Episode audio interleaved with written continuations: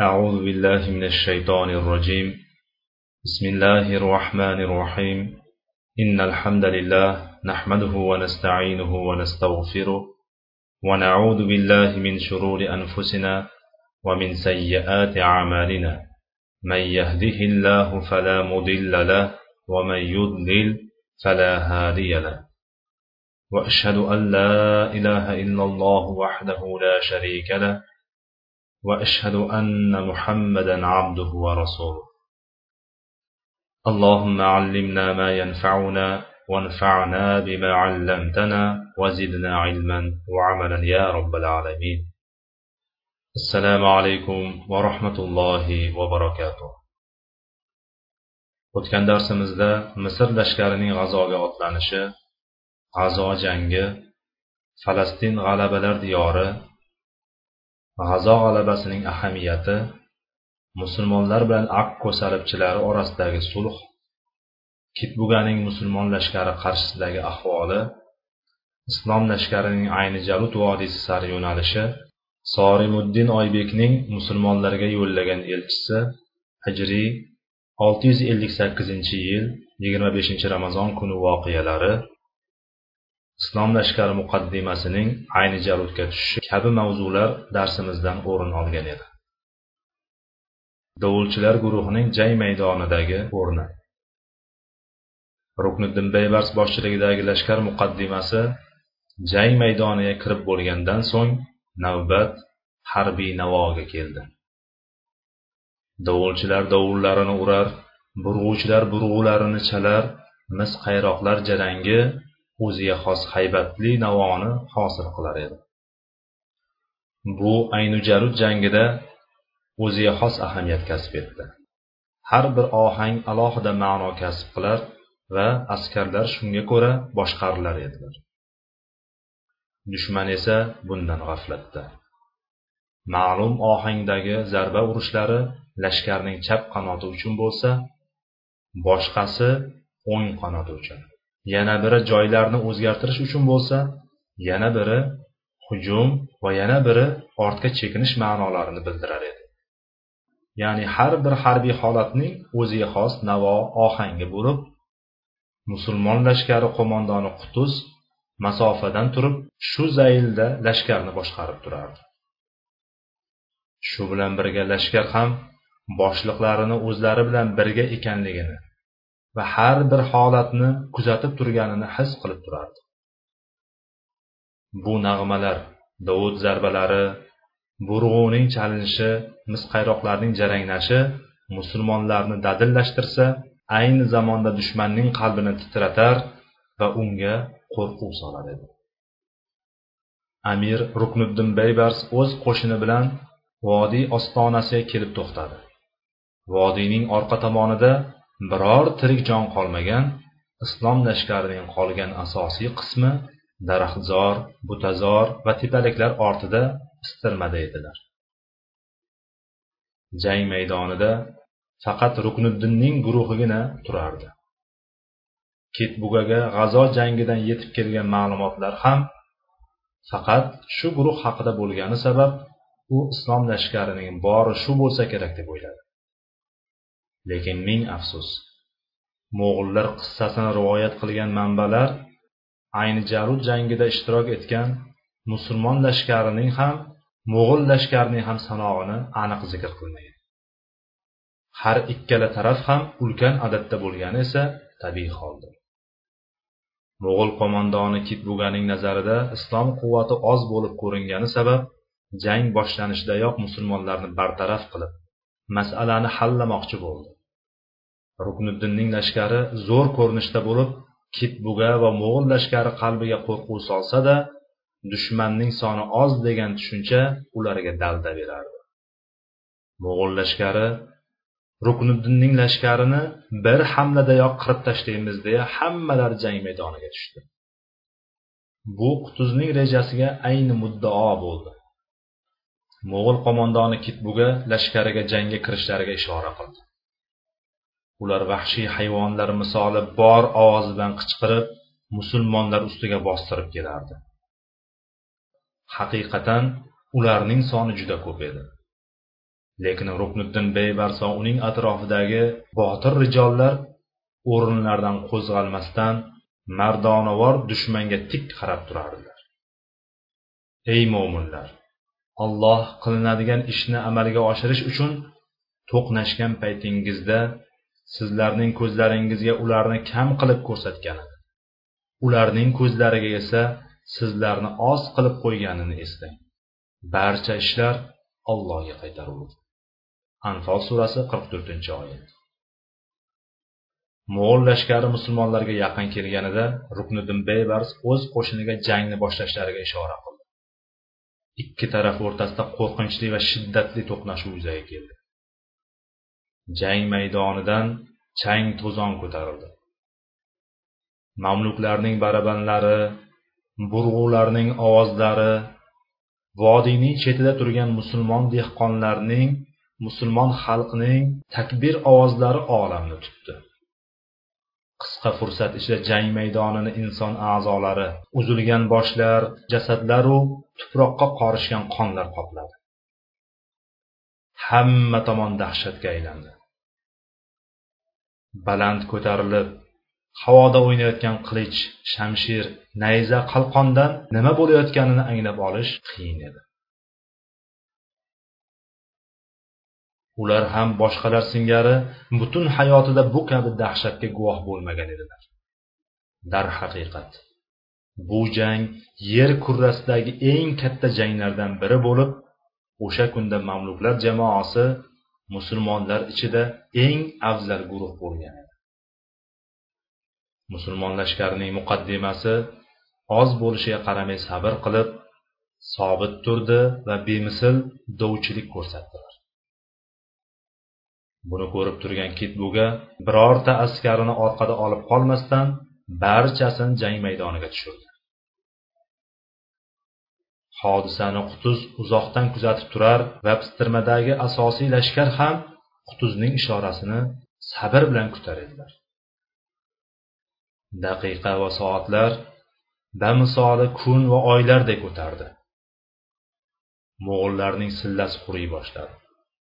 Ular musulmonlardagi shijoat jasorat va quvvatni ko'rib ruhiyatlari anchagina singan edi. Bu qutuz rejasining boshlang'ich bosqichi edi. Unda rukniddin boshliq askar mo'g'ul lashkari darmonsizlanguniga qadar imkon boricha sabr bilan sobit turishi kerak edi. Mo'g'ul quvvatining ayni jarut vodiysiga tamoman kirishi.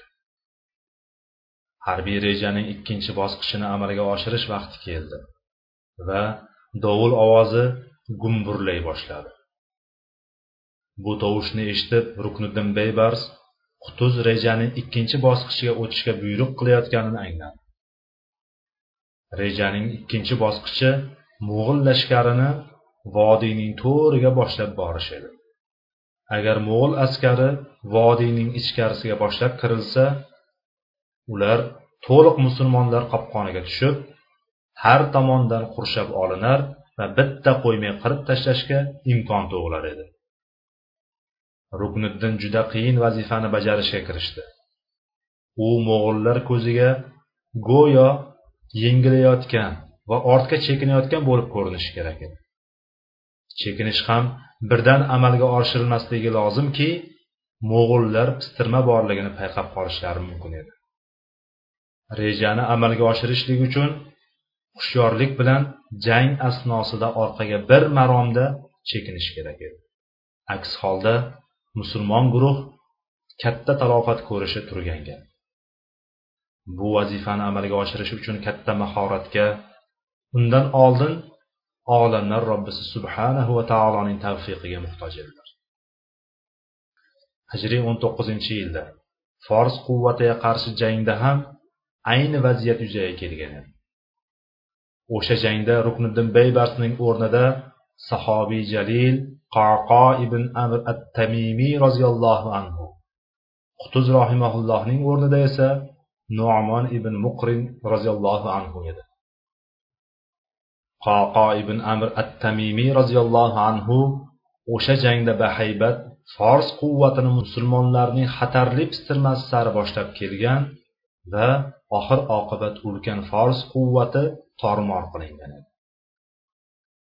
Bu o'rinda ayni jarud jangida qutuz rohimaulloh tarixdan salaf musulmonlarning tajribalaridan go'zal ibrat va namuna olgan edi. Rukniddin beybars asta sekin ortga chekinib chekingan sari mo'g'ul lashkari uning o'rnini egallab borardi. Musulmonlar mag'lubiyat o'yinini xuddi haqiqiydek o'ynab berdilar. Kitbuga va mo'g'ul lashkari borgan sari musulmonlarni to'liq yanchib tashlash ishtiyoqida vodiyning ich ichiga kirib borardi. Go'yo vaqt ham hodisani kuzatish ilinjida o'tishdan chalg'iganday cho'zilib ketdi. Va nihoyat mo'g'ul lashkari ayni jarut vodiysiga to'liq kirib bo'ldi. Rukniddin boshliq lashkar muqaddimasi vodiyning ostonasi ya'ni vodiyning shimolidan janubiy jabhasigacha chekindi. Kitbuga bor lashkari bilan vodiyga kirib bo'lgan edi. Kitbuga bunday katta va qo'pol harbiy xatoga qanday yo'l qo'ydi? U juda mohir va malakali sarkarda bo'lib uzoq yillardan beri jang maydonida ediku. Ya'ni u xulaguning suyangan tog'i ediku.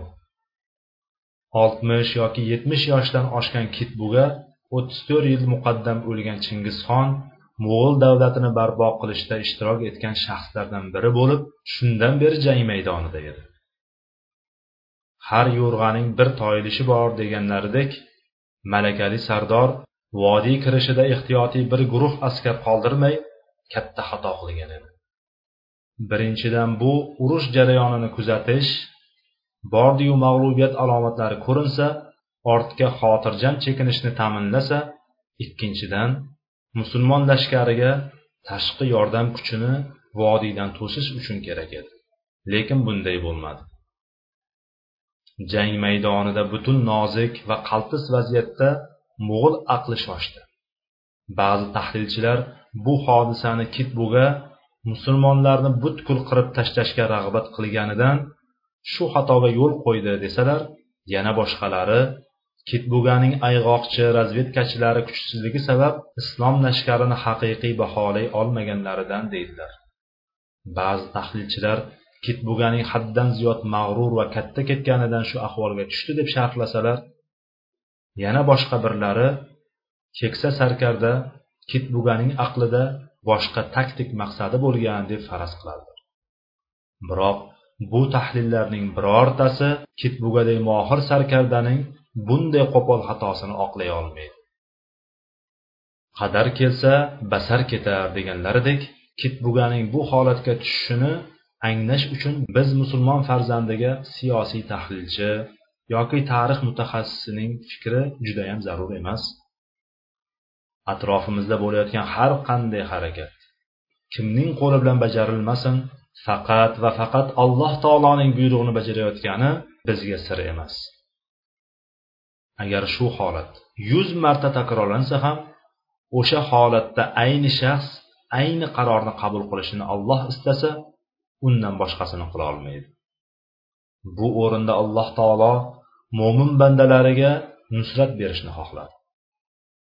Shuning uchun kuchli malaka sohibi mohir sarkarda kitbuganing qalbiga bu o'rinda uning malakasiga mutlaqo nomunosib qaror qabul qilishni o'rnashtirdi.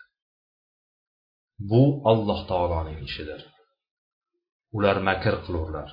Alloh ham makr qilur. Alloh makr qiluvchilarning zo'ridir.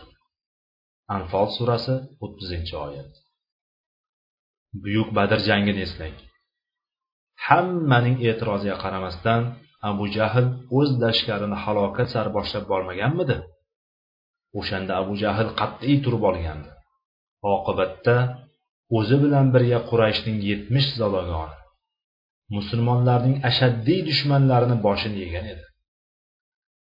Ayni javludda kitbuga ham shunday qildi ey mo'minlar agar sizlar allohga yordam bersangizlar u zot ham sizlarga yordam berur va qadamlaringizni sobit qiling deb marhamat qilgan alloh taolo barcha aybu nuqsonlardan pokdir nusrat beruvchi yolg'iz ollohdir shunday qilib kitbuga o'z lashkarini ayni jalut vodiysiga boshlab kirdi va musulmonlar rejasining ikkinchi bosqichi muvaffaqiyatli amalga oshdi.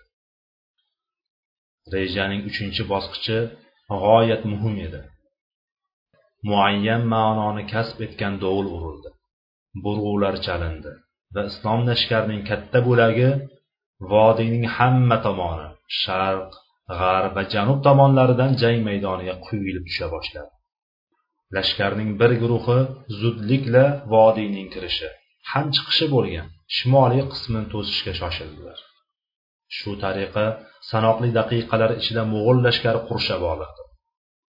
Kitbuga musulmonlarning pistirmasiga tushganini fahmladi lekin vaqt o'tgan edi darhaqiqat ayni jarud vodiysi qo'ynida kitbuga va mo'g'ul lashkari to'rt tarafdan o'rab olingan edi. Qochishning yoki hiyla ishlatishning umuman imkoni yo'q edi. Vodiy tekis va ochiq maydon. Qilich yoki qalqonning ortiga berkinib himoyalanilmasa boshqa joyning o'zi yo'q edi. Kurashishdan o'zga chora yo'q. Mo'g'ullar bor kuchlari va malakalarini ishga solib jon jahdlari bilan jang qildilar. Musulmonlar sabr qilishdi va sobit turishdi. Holat o'ta muhim bo'lishi bilan birga o'ta xatarli ham edi. Endi masala g'alaba masalasi emas balki hayot mamot masalasi edi. Mo'g'ul lashkarining o'ng qanoti islom lashkarining chap qanotidan ustunlik qila boshladi. Sorimuddin oybek elchisi xabar berganidek mo'g'ul lashkarining o'ng qanoti ancha quvvatli edi. Musulmon lashkarining chap qanoti mo'g'ul lashkarining o'ng qanoti bosimi ostida asta sekin chekinishga majbur bo'ldi. Mo'g'ullar musulmonlarning chap qanotidan yorib chiqa boshladi. Musulmonlar safida shahidlar ortib borardi. Mo'g'ullar biroz jadalladi. Agar ular islom lashkarining chap qanotini to'liq yorib chiqsalar islom lashkariga yanada jipslashgan va mo'g'ullar tomon kuchliroq holatga ko'chgan va vodiyning berikligi musulmonlarning zarariga bo'lishi mumkin edi. Muzaffar qutuz tepadan saflarning ortidan turib vaziyatni nazorat qilib borardi. Lashkarning chap qanoti duch kelgan holatni ko'rib kattayu kichik guruhlarni mo'g'ullar yorib chiqayotgan joyga to'g'anoq qildi. Shunga qaramay mo'g'ullarning bosimi to'xtamadi. Ba'zi musulmonlar vaziyatning qiyinlashganini his qilib ruhiyatlari tushdi va nusratdan umidlari uzila boshladi. Mo'g'ullar yengilmaydi qabilidagi gap so'zlar hali to'liq unutilib ulgurganicha yo'q edi. Qutuz rohimaulloh bu vaziyatni hammasini ko'rib turardi. U chap qanotga qo'shimcha kuch yo'lladi. Lekin vaziyat juda keskinlashdi. Bu o'rinda u jang maydoniga o'zining ham tushishidan boshqa chora topmadi. Qutuz jang maydoniga tusha boshladi. U maydonga komil askariy holatida emas alloh yo'lida o'limdan qo'rqmasligini namoyon qilib boshidagi dubulg'asini yechib yerga uloqtirdi va jang maydoniga otildi. U jangga kirarkan butun ma'raka maydonidagi vaziyatni ostin ustun qilib yuborgan mashhur so'zini baland ovozda baralla aytib borardi. Qutuzning hamma yoqni tutgan vo isloma vo isloma degan ovozi quloqlar orqali qalblarga borib urildi. Sulton muzaffar qutuz rohimaulloh bashar to'lqinini ichiga o'zini otdi. Islom lashkari sulton muzaffar qutuzni o'zlari bilan birga bir safda ko'rib yanada ilhomlandi. Barchaning ko'z o'ngida oldilariga qo'ygan g'oyalari yanada ravshanlashdi. Maqsadlari saltanatni qo'lga kiritish emas islom g'oyasi ekanini yosh sulton o'lim bilan olishib askarlari va xalqi bilan bir safda turib o'z vujudini namoyon qildi. Musulmon lashkarning hamiyati g'ururi jo'sh urib to'lqinlandi. Qarshilarida turgan yirtqich kabi pishqirayotgan mo'g'ul lashkari ular uchun hech narsa bo'lmay qoldi. Islomni yo'q qilishga bel bog'lagan vahshiy mo'g'ul hamlasiga jonlarini fido qilaroq tashlandilar. Ayni jarud vodiysida urush avjiga chiqdi. Jang maydoniga jasadlar to'shaldi. Vodiy atrofidagi xalqning takbir sadosi osmongacha yetardi. Musulmonlar ramazonning bu ulug' kunida sidqi dildan allohga duo qilib yolvordilar. Qutuz dovlarcha jang olib borardi. Balog'atga yetmagani bois o'limdan olib qolingan. Xulaguning tahdidiy maktubini keltirgan besh mo'g'ul elchisining biri mamluklar safida jangga olib kelingan edi. Ya'ni mamluklar safiga qo'shib qo'yilgan edi. U jang avjida qutuzni mo'ljalga olib nayza otdi. Biroq nayza qutuzga emas uning otiga tegdi. Ot yerga jon holatda yiqildi. Qutuz oyoqda qoldi. Lekin hech ikkilanmay ortga qaytmasdan jangni davom ettirdi. Mo'g'ul bolani qutuzga nayza otganini ko'rgan musulmonlardan biri uni o'ldirdi. Musulmon amirlardan biri faxriddin qutuzning piyoda jang qilayotganini ko'rgan zahoti u tomonga shoshildi va unga otini taqdim qildi. Lekin qutuz rahimaulloh musulmonlarni sendan mahrum qilaymi? degan ma'nodagi so'zini aytib uni qabul qilmadi va to bir egarsiz ot o'z oyoqlari bilan yoniga kelmagunicha piyoda holatda jang qildi. Jang maydonida bu holatga ko'zi tushgan bir amir jangdan so'ng qutuzdan falonchining otini minmadingiz? Agar dushmanlarning ba'zisi sizni shu holatda ko'rishganida sizni o'ldirar va siz sabab islom halokatga uchragan bo'lardiku deya so'radi. Ustoz rohimaulloh vazmin ohangda yaqin ishonch bilan men o'ldirilsam alloh izn bersa jannatga borarman.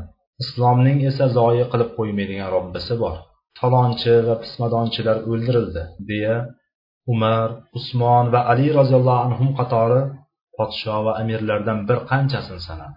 Alloh taolo islomni zoyi qilmadi balki ulardan boshqalar bilan uni qoyim qildi deb javob berdi.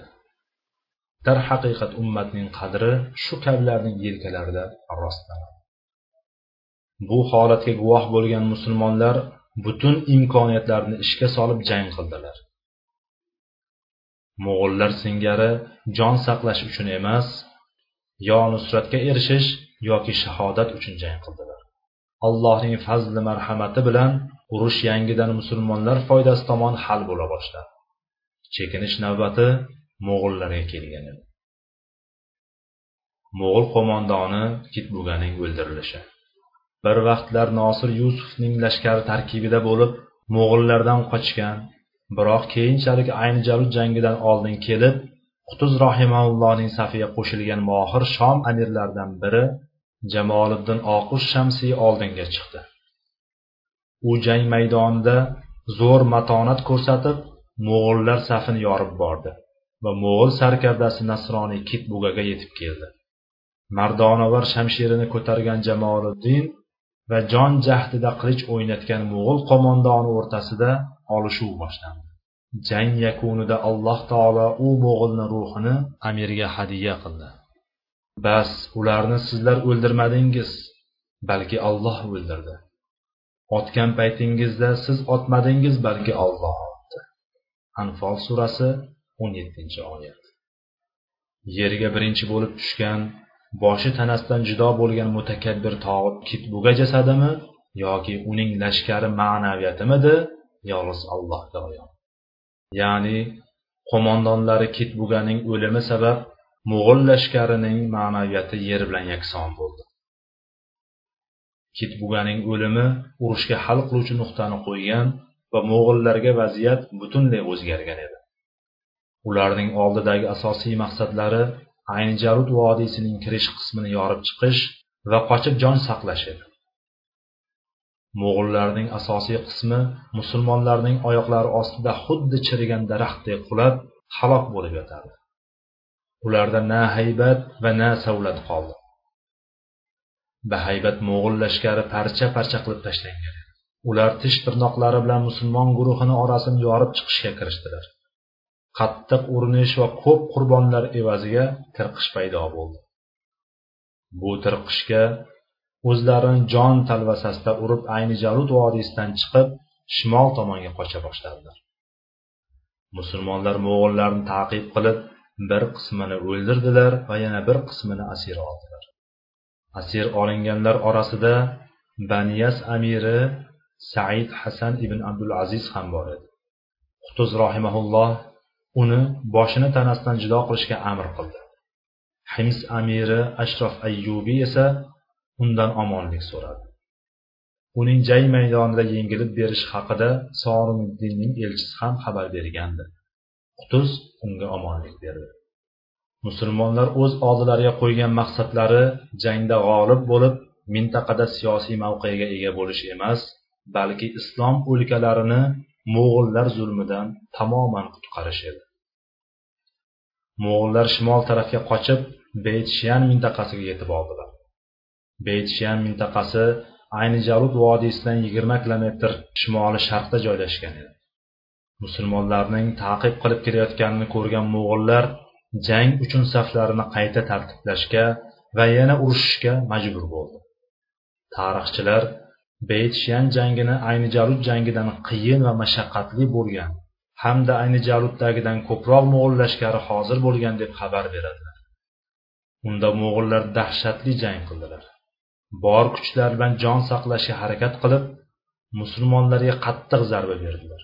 Ana o'shanda mo'minlar yana bir bor imtihon qilindilar va bu dahshatdan qattiq larzaga tushdilar. Bu lahzalar musulmonlar uchun eng og'ir damlar bo'lgan edi. Buni ko'rgan qutuz rahimaulloh musulmonlarni sobit qadamlikka chaqirdi va yana bir bor o'zining unutilmas so'zlari bilan xitob qilib vo isloma vo isloma vo isloma deb bor ovozidan qichqirdi. So'ngra tavoze bilan ey ollohim bandang qutuzni mo'g'illarga g'olib qil deya duo qildi. Bu o'rinda qutuz bandaligini e'tirof qildi. U o'zini podsho muzaffar yoki misr sultoni yoki amir al muslimin emas bandang qutuz deb ubudiyatini yodga oldi. Bu qanday ham yaxshi. Banda robbisiga sidqi dildan yalinib yolvorsa alloh taolo u bandasini qanday tashlab qo'ysin alloh taolo shunday zotki banda unga ikki qo'lini ochib duo qilar ekan u uning qo'llarini quruq qaytarishdan hayo qiladi. Qutuz rohimaulloh sadoqat bilan qoqilsa albatta ochilajak eshikni qoqqan edi. U osmonlar va yerning podshohligi uning qo'lida bo'lgan zotga juda yaqin bo'lgan edi. Yer yuzidagi podsholar tavozi ila itoat qilsa osmonlar va yerning podshosi unga rahm qiladi. Qutuzning sodiq tavozisi go'yo mo'g'ul lashkarining ustiga tushib uni butkul yakson qilgan tog' edi. Qutuz rahimaulloh duosini tugatar tugatmas mo'g'ul lashkari kuchsizlana boshladi. Subhanalloh. Bundan oldin yer kurrasiga o'z dahshatini solib turgan mo'g'ul lashkari beytshiyan yerlarida nochor holatda ruhsiz yotardilar. Musulmonlar beshafqat urushib mo'g'ul lashkarini yengdilar va islom bayrog'ini baland ko'tarib mo'g'ullarning bayrog'ini yiqitdilar. Qirq qirq uch yildan beri orziqib kutgan orzular ushalganday bo'ldi. O'sha kunda mo'minlar olloh g'olib qilgani sababli shodlanurlar. Alloh o'zi xohlagan kishini g'olib qilur. U qudrat va rahm shafqat egasidir. Rum surasi to'rtinchi beshinchi oyatlar. Bir tasavvur qiling.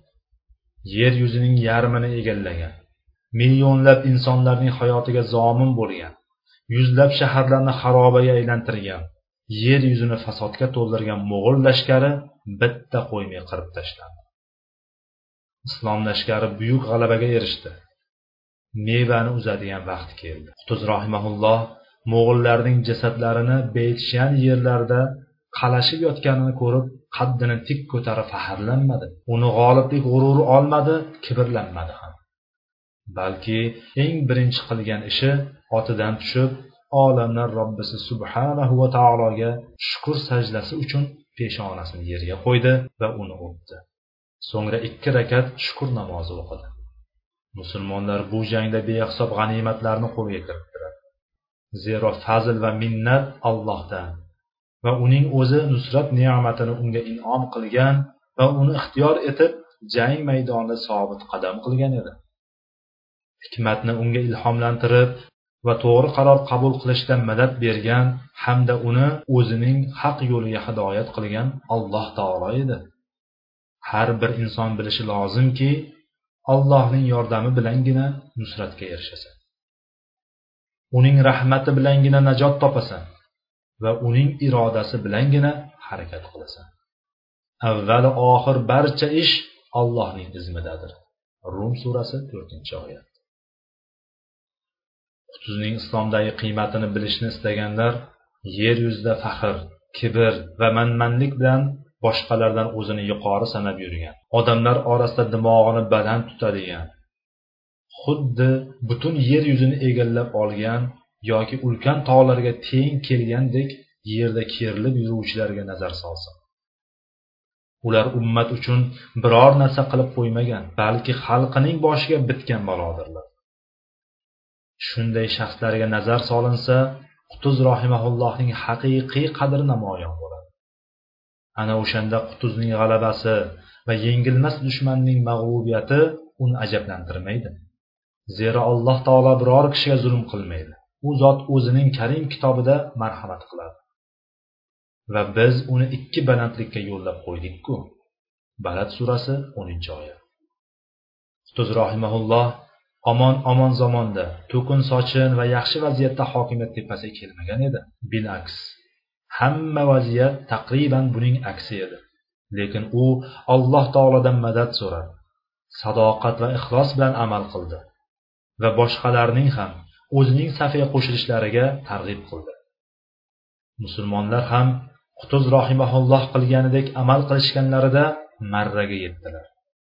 Vaholanki misrdagi holatning o'zgarishi uchun yillar yoki asrlar kerak edi. Ayni jarud jangi esa qutuz rohimaulloh taxtga o'tirganidan o'n oydan keyin sodir bo'lgan edi. Eng muhimi muxlis sodiq biluvchi va bilganiga amal qiluvchilarning mavjud bo'lishidir. Alloh taolo va'dasiga hargiz xilof qiluvchi emas. U zot o'zining karim kitobida marhamat qiladiki albatta biz payg'ambarlarimizga va iymon keltirgan zotlarga hayoti dunyoda ham guvohlar hozir bo'lib turadigan kunda ya'ni qiyomat kunida ham yordam beramiz g'ofir surasi ellik birinchi oyat. Ayni jarud jangi islom tarixidagi janglarning eng buyuklaridandir bu jang yer yuzida ayniqsa musulmonlar hayotida chuqur iz qoldirdi. Uning olamga ta'sirini kelasi darsda sharhlashga harakat qilamiz inshaalloh. Bu so'zlarni aytarkanman o'zimga va sizlarga alloh taolodan mag'firat so'rab qolaman. Vallohu taala alam. Alloh subhanahu taolodan uning yer yuzida joriy qilgan qonunlarini bildirishini manfaatli bo'lgan ilmni ta'lim berib ta'lim bergani bilan foydalantirishini va tarixni bizlarga ibrat qilishini so'rayman albatta u allohning qo'lida va u bunga qodir zotdir سبحانك اللهم وبحمدك أشهد أن لا إله إلا أنت أستغفرك وأتوب إليك وآخر دعوانا أن الحمد لله رب العالمين والسلام عليكم ورحمة الله وبركاته